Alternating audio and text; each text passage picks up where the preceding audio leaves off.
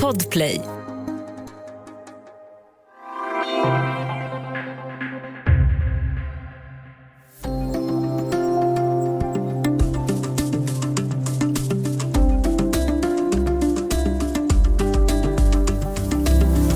Folkhälsomyndigheten spår en ökad smittspridning under hösten trots vaccinet på grund av den smittsamma delta-varianten. Men vad betyder det att ett virus är till exempel dubbelt så smittsamt? Och skulle vi inte få leva som vanligt nu? Välkommen till Studio DN. Jag heter Sanna Thorén Björling.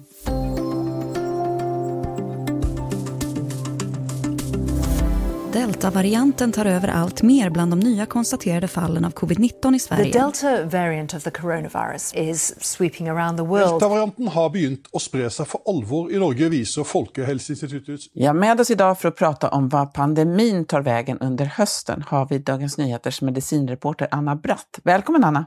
Tack! Du, vad är delta för något?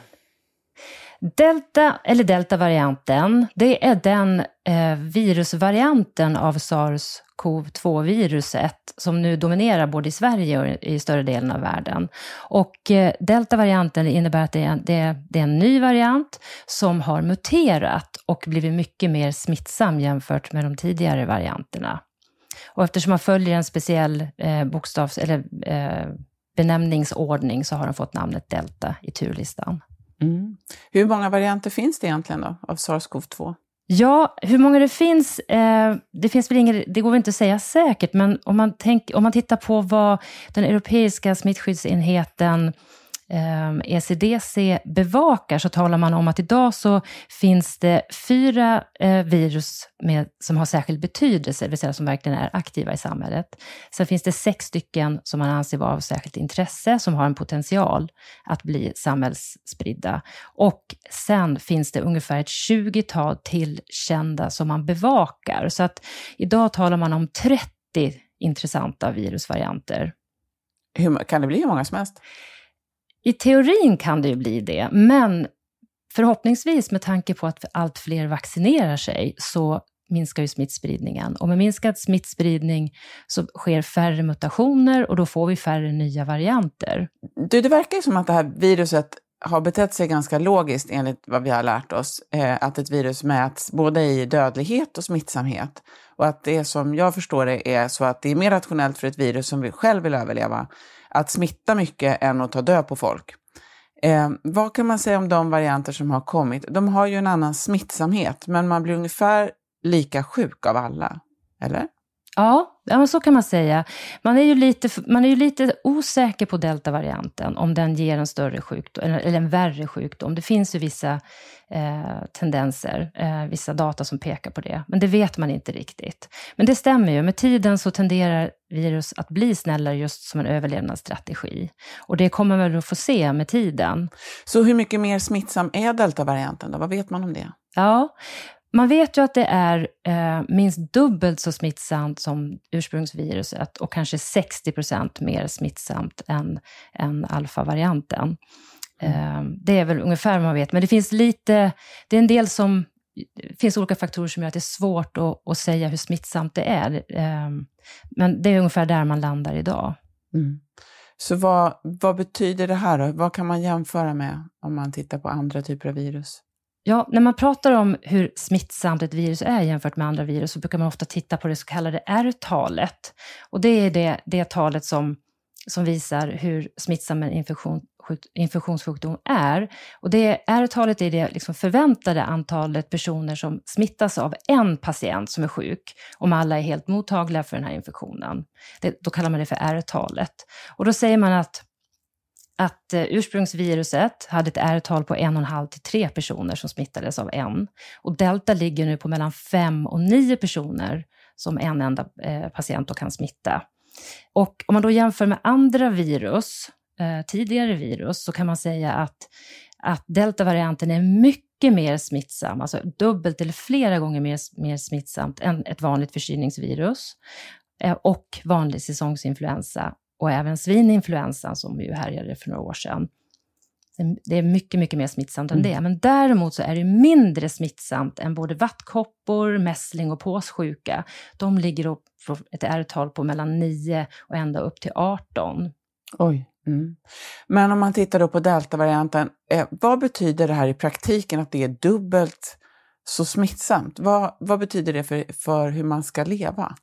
Ja, alltså vad, vad, vad det som har hänt med viruset, det är ju att det är um, det, tar sig, det har muterat så att det lättare tar sig in i kroppen och sen sätter det fart och förökar sig snabbare, vilket betyder att man får en mycket större virusmängd tidigt i infektionen. Eh, och de som är infekterade har större eh, virusmängd i kroppen. Och det betyder ju att om vi säger till exempel att man tidigare om en person som var smittad eh, eh, nös så kanske man spred ett virus, eh, men i, det här, i, i droppsmittan då. Men nu kanske det handlar om hundra. Det här var bara en siffra jag tar nu. Och det betyder ju att om man då är i närheten så har man betydligt större risk att få virus i sig och man får en större mängd och har man större risk att bli sjuk. Så det är det man pratar om, eh, att det är, att det är liksom mer smittsamt. Och eh, Sen börjar man mer och mer också fundera på om det här verkligen är en droppsmitta fullt ut. Det vill säga att det behövs små droppar i form av nysningar eller hostningar, utan man tror också att det är mer att det faktiskt är mer luftburet än vad man tidigare trott. Och det mm. gör ju då att, att virusen kan eh, ta sig större eller längre sträckor. Så man bör hålla fyra meter istället för två meters avstånd?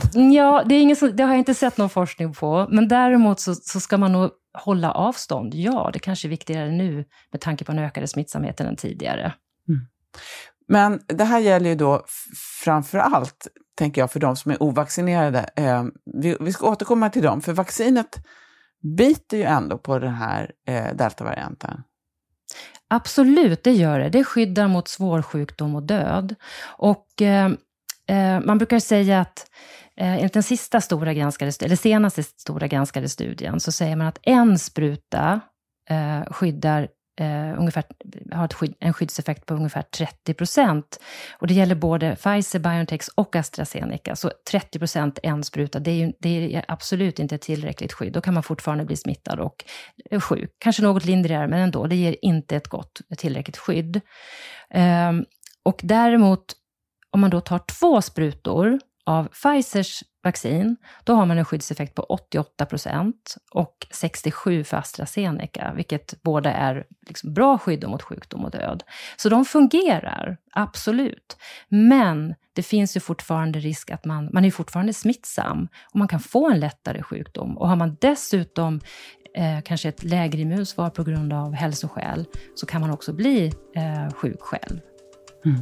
Just det. Vi ska alldeles strax prata mer om vad vaccinet gör och vad det däremot inte hjälper oss med.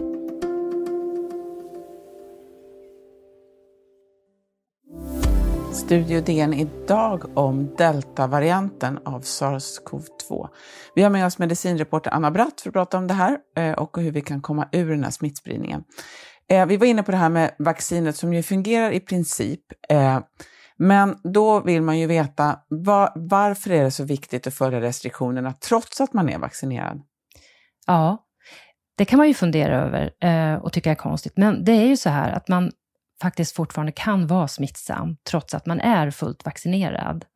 Och så länge vaccinationsgraden inte är tillräckligt hög så att vi, så att vi når så kallad flockimmunitet och, och, vi, och så länge vi har en samhällsspridning så, så bör vi följa restriktionerna för att hålla den här smittan nere. Och för att visa hänsyn också till de människor som faktiskt inte är vaccinerade. Kan man vara smittsam alltså trots att man inte känner någonting själv och trots att man inte alls blir sjuk själv? Ja, det kan man vara. Mm. Hur länge då? Ja, är man vaccinerad så är man ju smittsam kortare period eh, och dessutom har man en mindre virusmängd ju, eh, ganska snabbt. Alltså det, går, det, minskar betydligt fortare än för någon som inte är vaccinerad. Eh, exakt eh, antal dagar har jag inte sett några siffror på, men eh, det ligger väl ungefär i stil med eh, att, det, att det tar några, några få dagar som man då kan vara smittsam. Eh, men vad, och vad skulle då en tredje vaccindos vara bra för? För det pratas ju om det. Ja, ja för det första är det så att, att vaccinet avtar ju med tiden, alltså effekten avtar ju. Och där är man ju, säger man ju att man har antikroppar upp till ett år, medan, vi, medan läkemedelsbolagen själva säger att det handlar om betydligt kortare tid än så. Och då behöver man ju fylla på för att skydda för att få upp en skyddseffekt igen. Och eh, det som det, som det är liksom mest känsligt för är ju för sårbara grupper som till exempel äldre och personer med nedsatt immunförsvar. Att de, de kan behöva fylla på med mer vaccin. Och det mm. man pratar om nu är ju att eh, under hösten um, så kommer de här grupperna, de särskilt sårbara grupperna, då att, att få en, ett andra vaccin. Eller andra vaccindos ska jag säga. Och eh, sen tror man att under kommande år eh, så, så kommer hela befolkningen att få en, en eh, tredje spruta. Ja. Eh, det pratas ju ibland också om eh, den här avvägningen mellan att vaccinera hela världen och att ge en tredje vaccindos. Har det där spelat roll för hur man har resonerat i Sverige? Jag tror inte att man har diskuterat det särskilt mycket i Sverige. Man har ju börjat tala om det bland annat i Storbritannien. Eh, här tittar man nu just på antalet genombrottsinfektioner och vaccinationsgrad. Och genombrottsinfektioner det betyder just att, att människor som är fullt vaccinerade och ändå blir sjuka, det vill säga de kanske äldre och nedsatt immunförsvar, när det blir så att säga för många sådana, då är det dags att sätta in en tredje dos. Det är bland annat sådana sådana saker och hur deltavarianten, hur smittsam den visar sig vara här nu under hösten. Mm. Sånt som spelar in. Hur ser vaccinationsgraden ut i Sverige då just nu? Jo, idag så har totalt ja, ungefär 6,6 miljoner eh, personer över 18 år har fått minst en dos. Och eh, man säger att ungefär 5 miljoner har fått två doser. Mm. Eh, och eh, bland de som är födda, de som är 16 till 18 år, där ligger, ligger nivån ungefär på att 40 procent har fått minst en dos. Mm. Så vad säger du om man jämför med en del andra länder? Hur står sig Sverige? Alltså vi står ju oss bra när, när, om vi tittar runt i, bland EUs medlemsländer. Eh, om, vi, om det handlar om 75 procent av alla över 18 här så, har, så ligger snittet i hela EU på 68 procent eh, och 54 procent som fått båda. Eh, så på det sättet ligger vi ju bra. Men mm. däremot så ligger vi ju långt, eller långt efter, men vi ligger efter både Danmark och Finland, men före Norge. Eh, och sen har ju, så för Danmark, Nederländerna och Belgien, de har faktiskt nått över 80 procent av alla vuxna med minst en dos. Men sen har vi då vissa länder som, man, som ligger riktigt illa till. Det är bland Bulgarien, som då faktiskt bara, bara har vaccinerat 18 procent av befolkningen med den första sprutan. Och där tror man inte att man kommer särskilt mycket längre heller. Oj då. Ja, just nu pågår, pågår ju vaccinationerna av yngre personer i Sverige framför allt. Eh, vad tror du att det kommer betyda eh, framåt, om man ser några, några veckor eller månader framåt hösten? Ja, när det gäller 16 till 18-åringar så, så, kommer det att få betydelse för smittspridning eftersom man vet att det är en grupp som har många kontakter. Eh, så det kommer säkert på, eh, ha en påverkan på smittspridningen på sikt. Eh, men sen är det ju forskare nu som säger att om vi ska komma upp i en vaccinationstäckning på kanske 80, över 80 procent av befolkningen, vilket behövs för att nå flockimmunitet, då kommer vi behöva gå ner längre i åldrarna. Men det här är något som diskuteras. Och de som är ovaccinerade mot eh, corona, då, hur, hur sjuka blir de av delta? Finns det någon skillnad eh, där mot de tidigare varianterna? Ja, Eh, det har kommit ett par studier i början av sommaren, bland annat från Skottland, som tittade på hur sjuka eh, de drabbade blir då som är ovaccinerade. Och då, där pekar eh, data på att de blir sjukare. Men de, den rapporten har kritiserats, eller ifrågasatts en del och att det, det, är så mycket mer som spelar in, för det beror ju också på eh, vad det är för grupper. Har de bakomliggande sjukdomar, då kanske det är graden av till exempel hjärtsjukdom som spelar roll eh, och sådana saker. Så det är svårt att säga eh, om man blir sjukare eller inte. Men däremot så vet man ju att, man, att eh, ovaccinerade har en större virusmängd i kroppen. Det vet man. Mm. Folkhälsomyndigheten har ju nyligen reviderat scenarierna för hösten. Och det handlar ju då inte om prognoser, ska man kanske vara noga med att säga, utan om olika typer av tänkbar utveckling.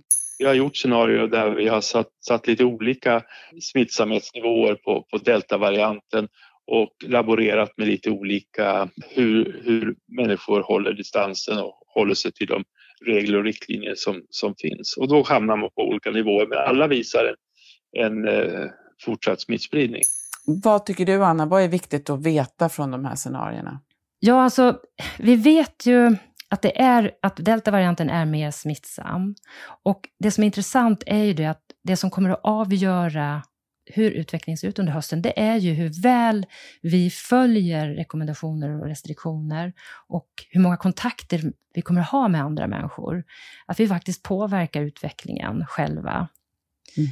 Och eh, jag tror, eh, jag tror faktiskt att vi kommer, eh, vi kommer få fortsätta att leva med det här säkert ett halvår till. Mm. Du sa att inledningsvis att man har koll på ett 30-tal olika varianter. Har vi fått någon Y-variant eller någon omega-mutation som är jättefarlig än? Vet, vet, vet man det? Ja, de virusvarianter som man bevakar, eh, som ligger kanske ganska långt ner på, på listan så att säga, eh, flera av dem har just de här namnen och eh, eh är potentiella ehm, faror. Eh, att de har, de har potential, de har, de har möjligheten att, att mutera ytterligare och bli, en, en, eh, att bli spridda i samhället. Och där handlar det om att övervaka dem och testa och eh, ja, helt enkelt hålla koll på de här virusvarianterna. Nu är de så i så få fall och de finns förhoppningsvis i områden som inte är så, så eh, tätt befolkade. Men de, de finns där på listan, de här som man, som man är lite orolig för. Mm. De, Vet du var någonstans de finns i världen? det finns i Sydamerika, det är lite spritt, Asien, det finns på olika håll i världen. Men de är, de, än så länge så ska man, jag tycker inte man ska gå och känna ångest över dem, för det, det är ju ganska naturligt, så här är det ju hela tiden. Det finns ju olika virus i naturen som vi faktiskt inte eh, inte känner till och som, som ligger liksom och, och eh, på något sätt, de finns där men de är ingen fara för människor än. Eh, ja. Så om vi då avslutningsvis, om du ska ge någon slags prognos här, det, det vill ju väldigt få människor göra, men jag frågar det i alla fall då. Eh, inför hösten, vad, vad tror du? Ja, jag tror precis som Folkhälsomyndigheten att det kommer bli en ökad smittspridning eh, och att det kommer bli kluster av spridning, att inom vissa grupper, vissa områden, eh, bland människor som inte är vaccinerade då, framför allt. Eh, men däremot så tror jag inte det kommer bli så hög smittspridning och det kommer inte bli så många som, är, som blir inlagda på sjukhus, eh, just eftersom fler är vaccinerade. Eh, och vi kommer att få börja se de här så kallade genombrottsinfektionerna, det vill säga att vaccinerade som av olika skäl inte får, har tillräckligt skydd längre utan blir sjuka. Eh, och, sen, eh, och därför tycker jag också att det är så viktigt att alla som jobbar med äldre och sköra verkligen vaccinerar sig. Just det. Stort tack ska du ha för att du var med idag, Anna. Tack. Ljudklippen i avsnittet kom från Sveriges Radio, NRK och BBC.